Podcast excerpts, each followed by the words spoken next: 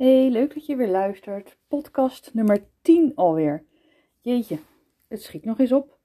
Ik wilde het vandaag hebben met jullie over slachtoffers. En slachtoffers heb je in twee verschillende gradaties, manieren. Je bent of slachtoffer van de situatie, of slachtoffer in het algemeen. En wat ik daarin echt heel belangrijk vind, is dat je voor jezelf bepaalt wat, als jou iets, iets ernstigs is overkomen, wat voor een slachtoffer ben je. In de meeste situaties ben je wel slachtoffer van de gebeurtenis, maar dit bepaalt niet wie jij bent. Als jij slachtoffer bent in het algemeen, dan bepaalt eigenlijk hetgeen er gebeurd is, bepaalt wie je bent. En dat kan je natuurlijk niet laten gebeuren. Als jij slachtoffer bent van de gebeurtenis, dan weet je dat het bij deze ene gebeurtenis blijft. Hoe vervelend het ook is, maar je wil hier uitkomen, je komt hieruit en je komt hier ook sterker uit dan ooit tevoren. Je hebt kennis van de situatie, en je doet er iets mee.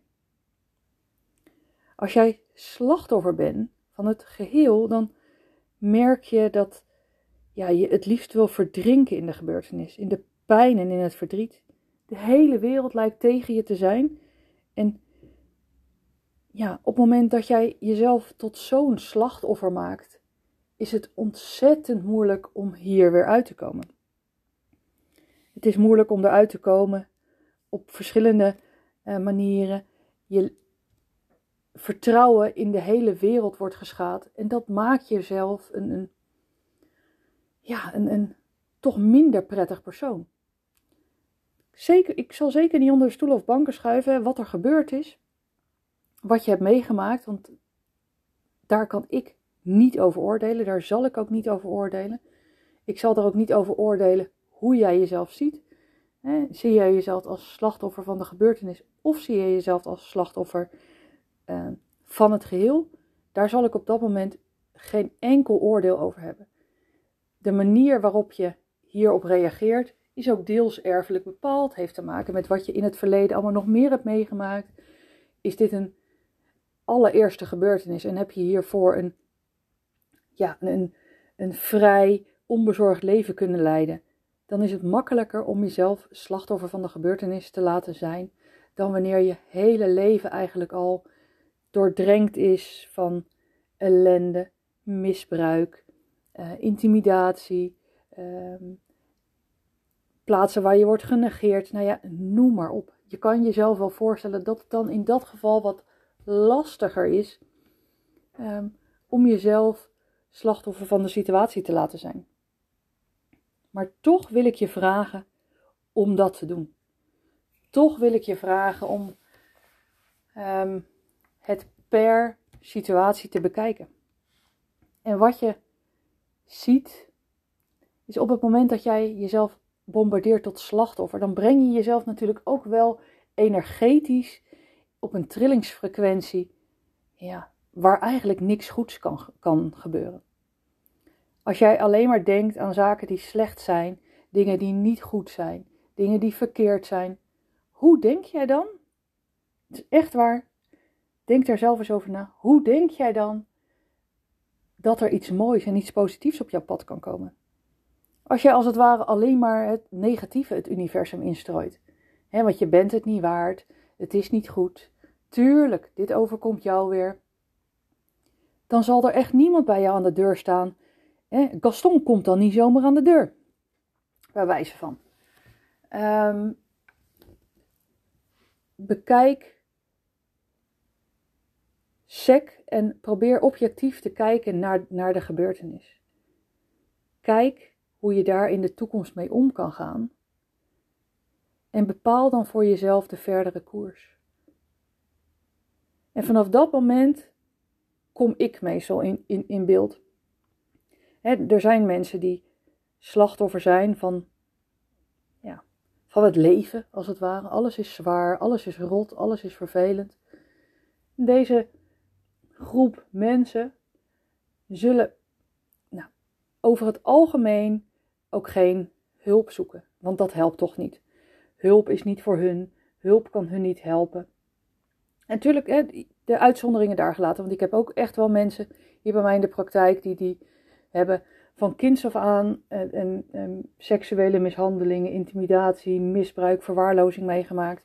Ja, hoe groei je dan op? Dan groei je natuurlijk op in een situatie die ook niet ideaal is. Je groeit op in een, in een slecht of crimineel milieu. Ja, dan kan je ook niet verwachten dat je dat je, op je uh, 21ste cum afstudeert uh, als rechtadvocaat uh, of, als, of als arts. Hè? Laat dat duidelijk zijn. Um, maar er is dus wel een groep mensen die, die, ondanks dat hun leven zwaar is en dat ze zelf geen uitweg zien, hoe knap is het dan dat je voor jezelf bepaalt: oké, dit is wat het tot nu toe geweest is, maar dit wil ik niet meer. Ik vind mezelf meer waard. Ik wil echt dat er iets anders gebeurt. Nou, het eerste wat deze mensen van mij altijd horen is echt zo'n dik compliment dat je toch deze stap hebt kunnen zetten. Hè? Want het, het is way out of your comfort zone. Het is ver uit je comfortzone. Ehm, als je altijd al in die ellende bent geweest, altijd hebt geprobeerd om het zelf op te lossen. En het lukte niet. Hoe knap is het dan? Hoe goed is het om te zien dat deze mensen toch nog ergens een sprankje hoop hebben gevonden of iets anders. Ehm, ja, waardoor ze. Ehm, waardoor ze het licht weer willen zien, waardoor ze willen werken aan zichzelf, waardoor ze willen werken aan hun relatie, aan hun gezin. Hoe tof is dat? Als je slachtoffer bent van de situatie, dan lijkt het makkelijker om er iets aan te doen. wat ik net al zeg, je hebt tot aan deze gebeurtenis, over het algemeen genomen, een rustige, um, onbezorgd en onbezonnen leven geleid. En er gebeurt iets waardoor je, waardoor je wereld lijkt in te storten. Maar dan is het voor jou heel makkelijk om te bedenken: oké, dit, dit ligt dus aan deze gebeurtenis. En ook hier kan je natuurlijk zelf bedenken: ik ga hier iets aan doen. Uh, ik ga hier zelf aan werken. Uh, je kijkt YouTube-filmpjes, je luistert naar zelfhulpprogramma's. Dat is allemaal prima, want, want uh, het, het, het staat niet voor niks online. En soms werkt het ook. Maar wat je veel vaker ziet, is dat je denkt dat het hebt gewerkt. Je luistert en je kijkt naar alle zelfzorgprogramma's, je praat met alle mensen om je heen. Iedereen heeft een andere mening, iedereen heeft een ander advies. Het ene volg je wel op en het andere niet, afhankelijk wat er natuurlijk bij jou past. Um, als je in loondienst bent, dan komt er op een gegeven moment ook wel een moment, als je in de ziektewet zit, hè, naar aanleiding van, van deze gebeurtenis, komt er een moment dat jouw baas tegen je zegt: ja, Denk je nou niet eens dat het tijd is om weer eens iets te doen? ook al is het maar een paar uurtjes per dag. Het kan zo ook zijn dat, dat, dat vrienden, familie ook zeggen van ja, het is vervelend wat er is gebeurd. Kom onder je dekbed vandaan. Ga naar buiten. Snif uh, de lucht op. Uh, kom weer onder de mensen en doe iets. En dit zijn allemaal goed bedoelde adviezen. Jij bent nog nooit in deze situatie geweest. Dus jij denkt: oké, het zal nu wel tijd zijn om me weer tussen haakjes normaal te gedragen. Um, en eigenlijk, als je dat doet, dan, dan gaat het op een gegeven moment wel. Hè? Je verdrinkt wat er is gebeurd. Je gaat door. Je staat op de automatische piloot. En op een gegeven moment heb je je leven weer opgepakt en je denkt er niet meer zo heel erg aan. Maar wat dan wel belangrijk is om te weten, is je bent Ehm, je hebt het niet verwerkt. Je bent doorgegaan. Je hebt het als het ware bedekt. Je hebt over die wond die is ontstaan. Die heb je niet eerst ontsmet. Die heb je niet eerst uh, alle bacteriën eruit gehaald. Daar heb je gewoon een pleister overheen geplakt. Je huid is wel dichtgegroeid. Maar onderhuids is die wond gaan dooretteren. En er komt een moment. En dat moment dat heb je zelf helaas niet voor te kiezen. Dat het eruit komt. Dat kan zijn op het moment dat er weer iets gebeurt, waardoor dit laadje, waardoor deze wond wordt opengetrokken. Daardoor krijg je niet alleen het gevoel en de ellende van deze gebeurtenis, maar ook van de vorige. Het komt dus dubbel zo hard aan. Maar het kan ook zo zijn dat op het moment dat jij in een geweldige fase van je leven zit, het geluk lijkt je niet op te kunnen.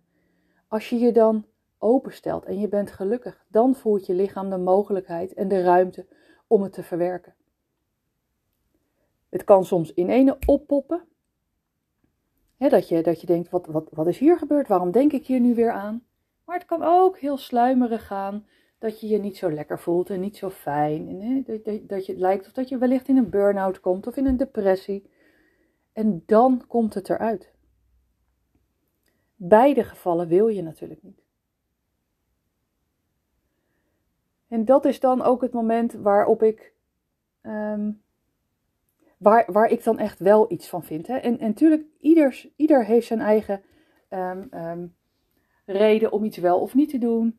Iedereen heeft zijn eigen uh, keuzes en die keuzes die respecteer ik. Maar hier, ik, ik vind van heel veel dingen vind ik, vind ik niets. Ik vind het allemaal prima. Maar hier vind ik wel echt iets van. Soms zeggen mensen, therapie is duur. Je moet er tijd in investeren. Ik heb die tijd niet. Ik heb er geen zin in. Nou, noem het allemaal maar op. Maar het zijn eigenlijk allemaal excuses. En het, het feit dat, dat, dat er wordt gezegd, ja, het is, het is zo duur. Ja, wat is duur in vergelijking met wat? Wat heeft dit je eigenlijk allemaal al gekost? Um, omdat je pas zo laat therapie aanvraagt. Misschien heeft het je je relatie gekost. Misschien kost het je je nachtrust. Um, het kost je energie, de band met je kinderen, de band met je, met, je, met, je, met je familie, de band met je vriendinnen. Is dat het je dan wel waard geweest? En daar staan natuurlijk heel veel mensen niet bij stil. wat heeft het mij tot nu toe gekost? Wat logisch is, hè? Want, want tuurlijk denk je daar niet zo 1, 2, 3 over na. Um, maar het is goed om daar van tevoren bij, bij stil te staan. En wat, wat wil jij? Wat vind jij jezelf waard? Volgens mij ben jij het waard om, om het maximale uit het leven te halen. Het leven is aan de ene kant lang, aan de andere kant is het leven ook zo ontzettend kort. Mijn oudste dochter wordt over een paar maanden 18. En ik zei twee weken geleden tegen haar, nou die 18 jaar die, die lijkt wel omgevlogen. Tuurlijk heb ik de 18 jaar heel bewust meegemaakt. Maar als ik dan nu terugkijk op, op, op dit ja, jubileum, hè, is bijna 18. Um, ehm, eh, dus 18 jaar geleden werd ik voor het eerst moeder. Wauw, die tijd lijkt omgevlogen. En dat bedoel ik met, je hebt een lang leven, maar het, het vliegt voorbij. Je wordt opgenomen door, de, ja, door, door alles, alles wat er gebeurt om je heen, alles wat er speelt. Je wordt gewoon, gewoon, gewoon opgezogen. Je wordt meegenomen in, in, in de realiteit en in de waan van de dag. En voordat je het weet, sta je, net als mij, nu op een moment dat je eigenlijk al bijna 18 jaar moeder bent. Wauw, wat is er dan die afgelopen jaren gebeurd? Ik kan ook wel heel eerlijk zeggen dat ik. Tuurlijk weet ik wat, ik, wat, wat er de afgelopen 18 jaar allemaal gebeurd is. Maar in een leven met een zaak, twee bedrijven heb ik. Um, ja, moeder van drie kinderen, een paar beesten in huis, een koopwoning. Um, ik ben ook af en toe echt wel geleefd. Um, er zijn ook wel momenten die ik me niet meer helemaal helder voor de geest kan halen, omdat je moe bent, je hebt het druk, uh, je, hebt, je hebt drie kinderen op te voeden. Um, nou, je, je, je, je bent ook nog partner, eh, daar, daar moet je ook nog aandacht aan besteden. Dus dat, ik weet zeker dat ik niet de enige ben. Dus aan jou de vraag vandaag: wat wil jij bereiken in dit leven? Wat, wat vind jij het jezelf waard? En als je dat voor jezelf, um, als je dat voor jezelf hebt bepaald, kijk dan eens wat het jou waard is om ook dat leven te leven.